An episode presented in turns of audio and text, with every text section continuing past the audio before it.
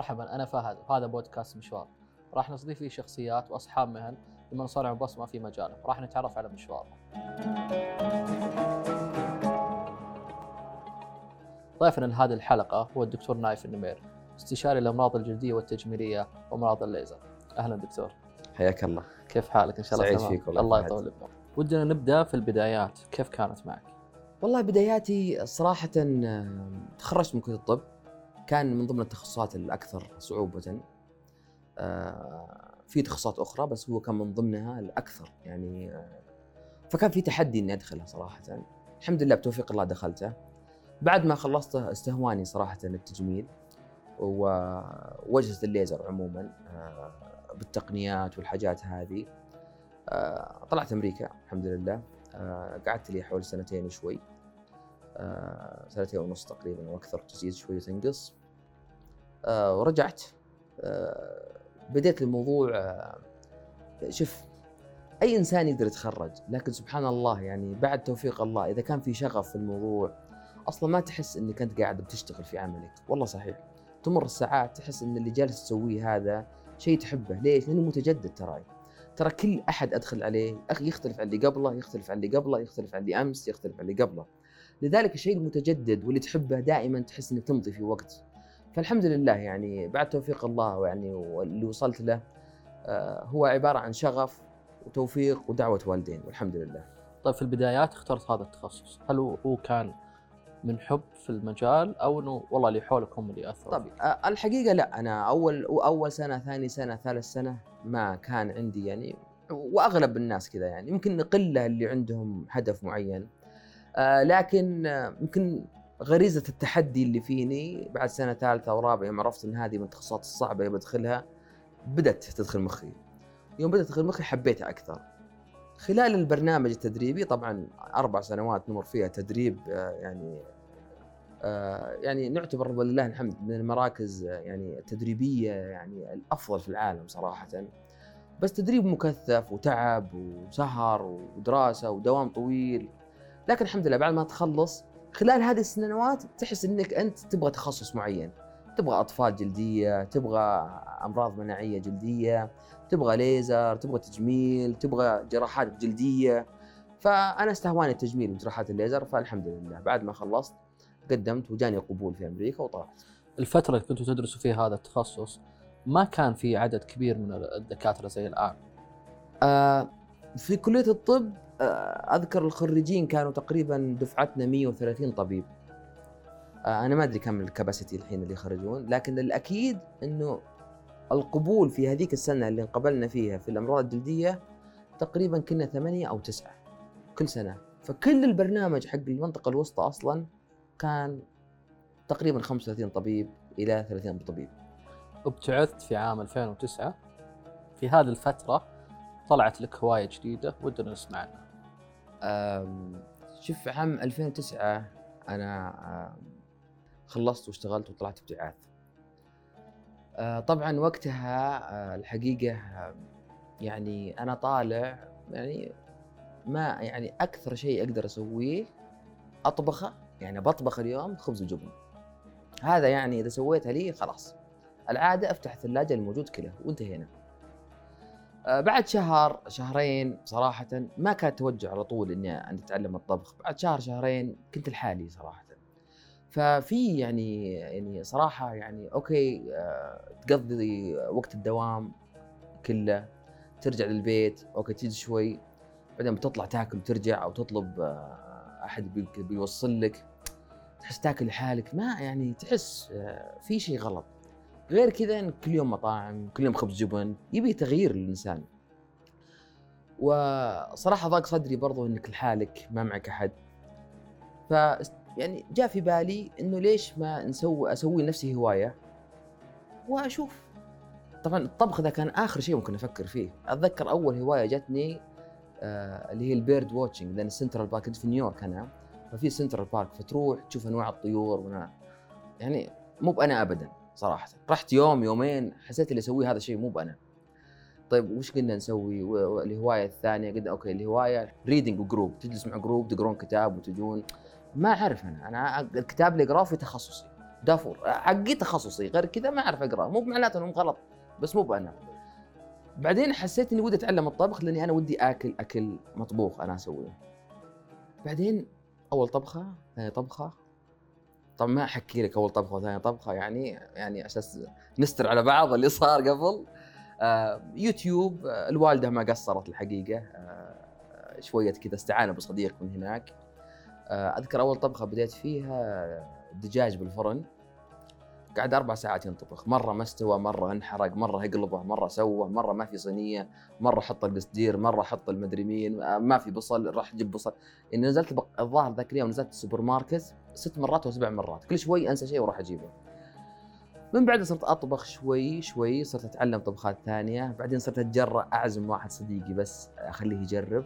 بعدين اكتشفت إن الطبخ بس مو بس إنك تطلع منتج تاكله بصراحه آه، الطبخ آه، زي إحساس الشغف اللي جاني وأنا أشتغل. آه، يسحب كثير من الطاقة السلبية اللي عندك ويعني آه، يخليك تستمتع بالوقت اللي تمر فيه.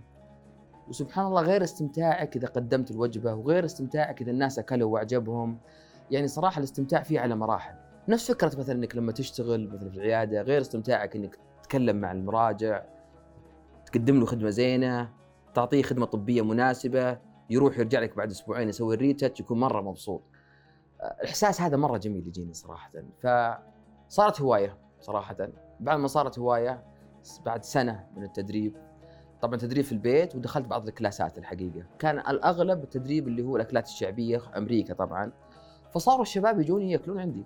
صرنا نحدد weekend صار يجوني وصرت أطبخ.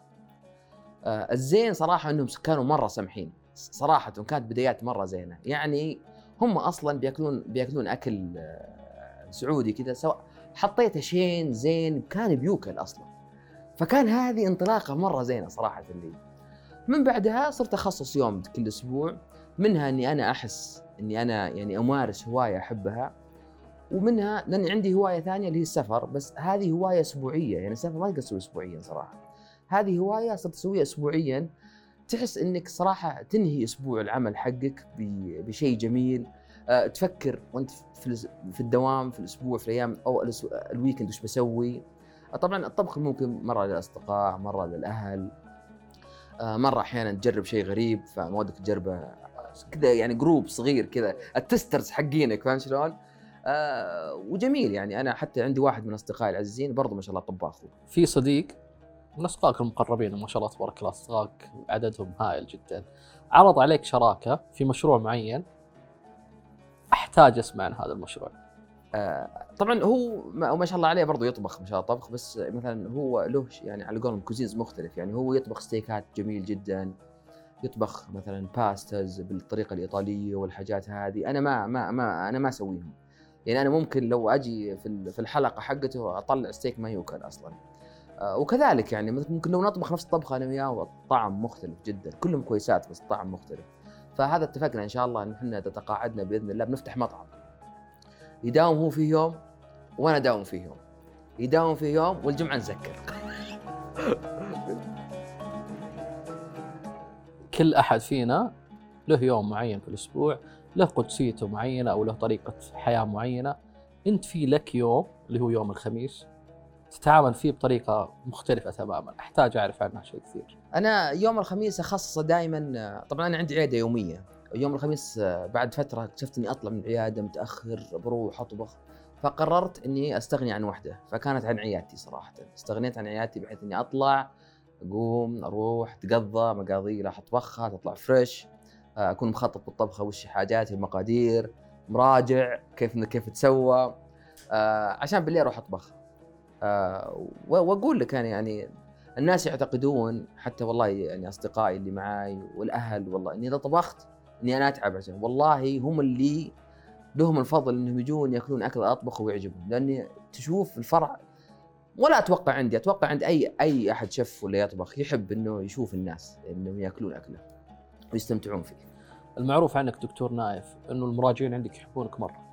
ويقدمون لك هدايا بشكل مسبق أنا بالنسبة لي عندي فضول صراحة أنا أعرف وش هذه الهدايا. والله شوف يعني كثر الله خيرهم وعسى اني اكون دائما عند حسن ظنهم وعلى قدر الثقة. لكن يعني في ناس الهدايا العادية ال common شوكولات وورد ولا قلام ولا كذا. بس في ناس يجيك يعطيك بهارات. والله يكون مثلا جاي مثلا من الهند وجايب لك أول بهارات غريبة.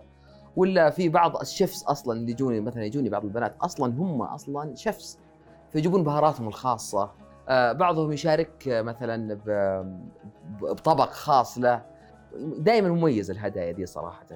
آه، وترى يعني أقول دائما سبحان الله الهدية مو بقيمتها الهدية بال- بالمعنى اللي تحمله صراحة. الوالده الله يحفظها تحب صراحة طبخك وفي طبخة معينة تفضل إنه نايف يسويها وش هي؟ الوالدة صراحة تحب دائما أطبخ لها المندي تحبها يعني تحب المندي حقي دائما والوالدة أصلا ما شاء الله عليها الله يطول بعمرها.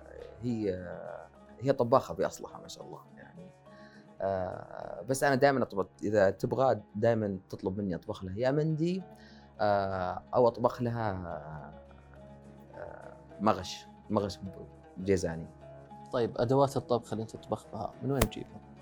والله شوف فهد مختلفة الحقيقة. في الحاجات العامة اللي هي أدوات الطبخ العامة الموجودة.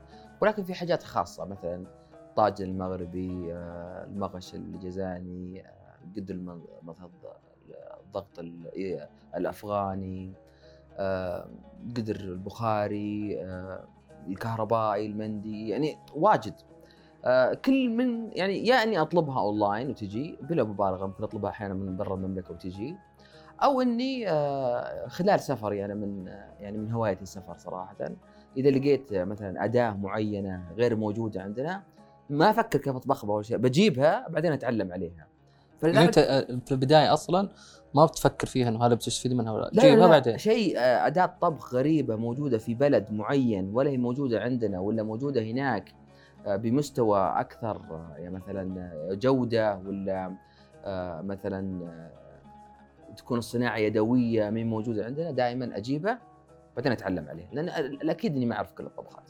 طيب وتخ طريقة تخزينها آه والله شوف آه، في البداية عشان يعني اكون واضح معك آه، أنا بهدلت الوالدة خربت كل قدورها وخربت كل مواعينها وما خليت شيء.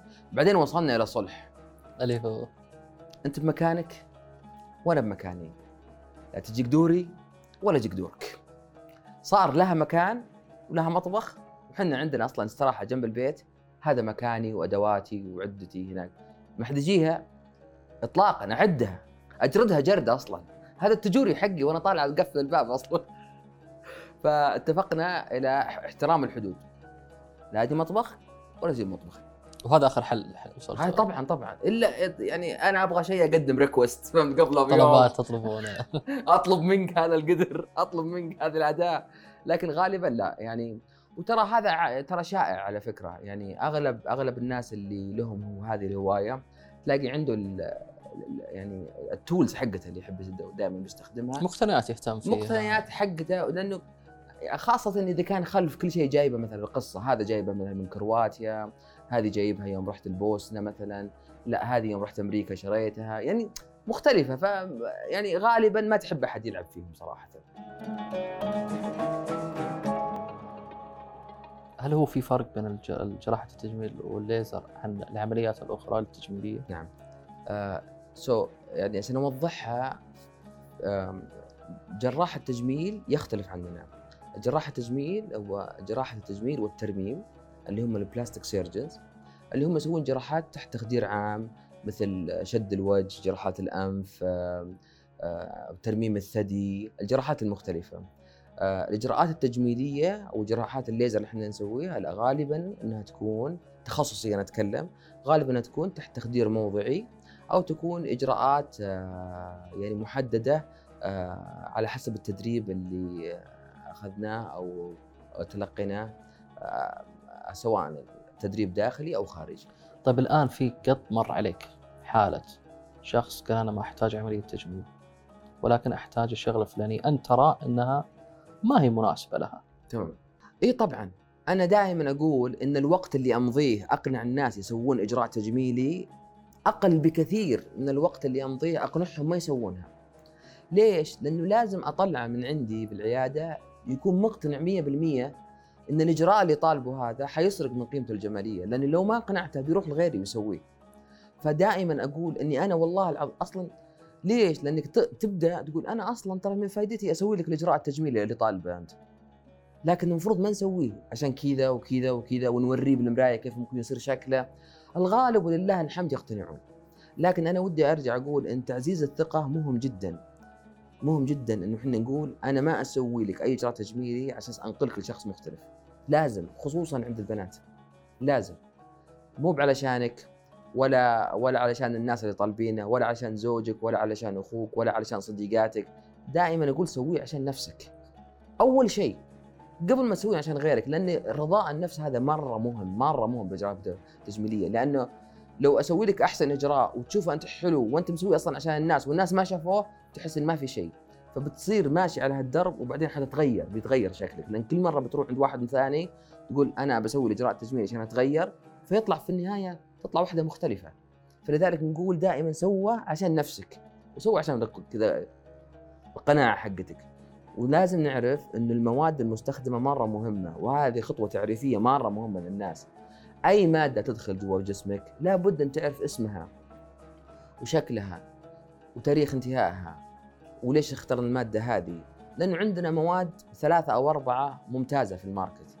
لكن عندنا مواد ما نقول إنها ممنوعة بالعكس مصرحة من هيئة الغذاء والدواء السعودية لكن إنها مي ب class A مو في سيارات مرة زينة وسيارات نص نص. أنا بالنسبة لي أنا بقول أنا لو أنا بحقن شيء في جسمي بخليه يا أحقن شيء مرة كويس ولا ولا بلاش. ليش؟ لأنه هو ما هو يعني هو ما هو لابتوب أقول لك إذا خرب خلاص خله. لا هو شيء في جسمي. فهمت قصدي؟ هو مو بخطر لكنه مو بأزين شيء. فلذلك دائما نقول إحنا صور المادة آه تأكد إن الطبيب حقك طبيب آه مرخص معتمد تأكد إن مثلا إن المركز كامل مرخص أنا ما أقول لك تعال اطلب الرخص حقتهم بس في شيء واضح يعني. يعني مثلا الطبيب يحط لك المواد افتحها قدامك مو بجيب لك الابره مفتوحة من برا واحطها. أقول بصور المادة صور المادة بالعكس. أصلا مع كل مادة يجي sticker من حق المريض ياخذ ال sticker يعني. ولا أحد يسأل عنها تقريبا. والله شوف الحمد لله يعني الآن بدا الوعي يزيد أكثر والله يا فهد. يعني ما ما ما يعني ما نصير مثل الترند ونجلد في الذات كثير. والله الوعي بدأ يتغير مرة كثير في المجتمع صراحة. و وبعدين ترى في ثقة متبادلة بين الطبيب والمريض إذا جاء. وحنا ما نسميهم تراهم مرضى إحنا نسميهم مراجعين. لأنه هو ما هو جايني تعبان هو جاي يراجعني أساس يكون شكل أجمل ولا أبين حاجات عنده. لا الثقة أكثر صراحة. والله إنه بعض الناس يتضايقون إذا سأل عن المادة واللي ممكن أصورها ولا يفتحوها قدامي. صدقني أكون سعيد مرة إذا قالها كذا. أصلا إحنا نسويها يعني كذا بس إذا قالها تقول ممتاز. أنه أنه لأنه هذا جاي اللي يقولها كذا هو جاي من مجتمع يسويها بعد. فهمت قصدي؟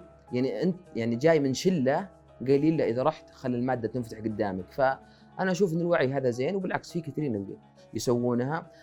المراجعين اللي جوني باستمرار يعني مثلا كل ست شهور كل سنة. خلاص في في علاقة آه، ثقة بيني وبينهم. بس اللي أول مرة بالعكس أنا دائما أحرص إني أوريهم والله.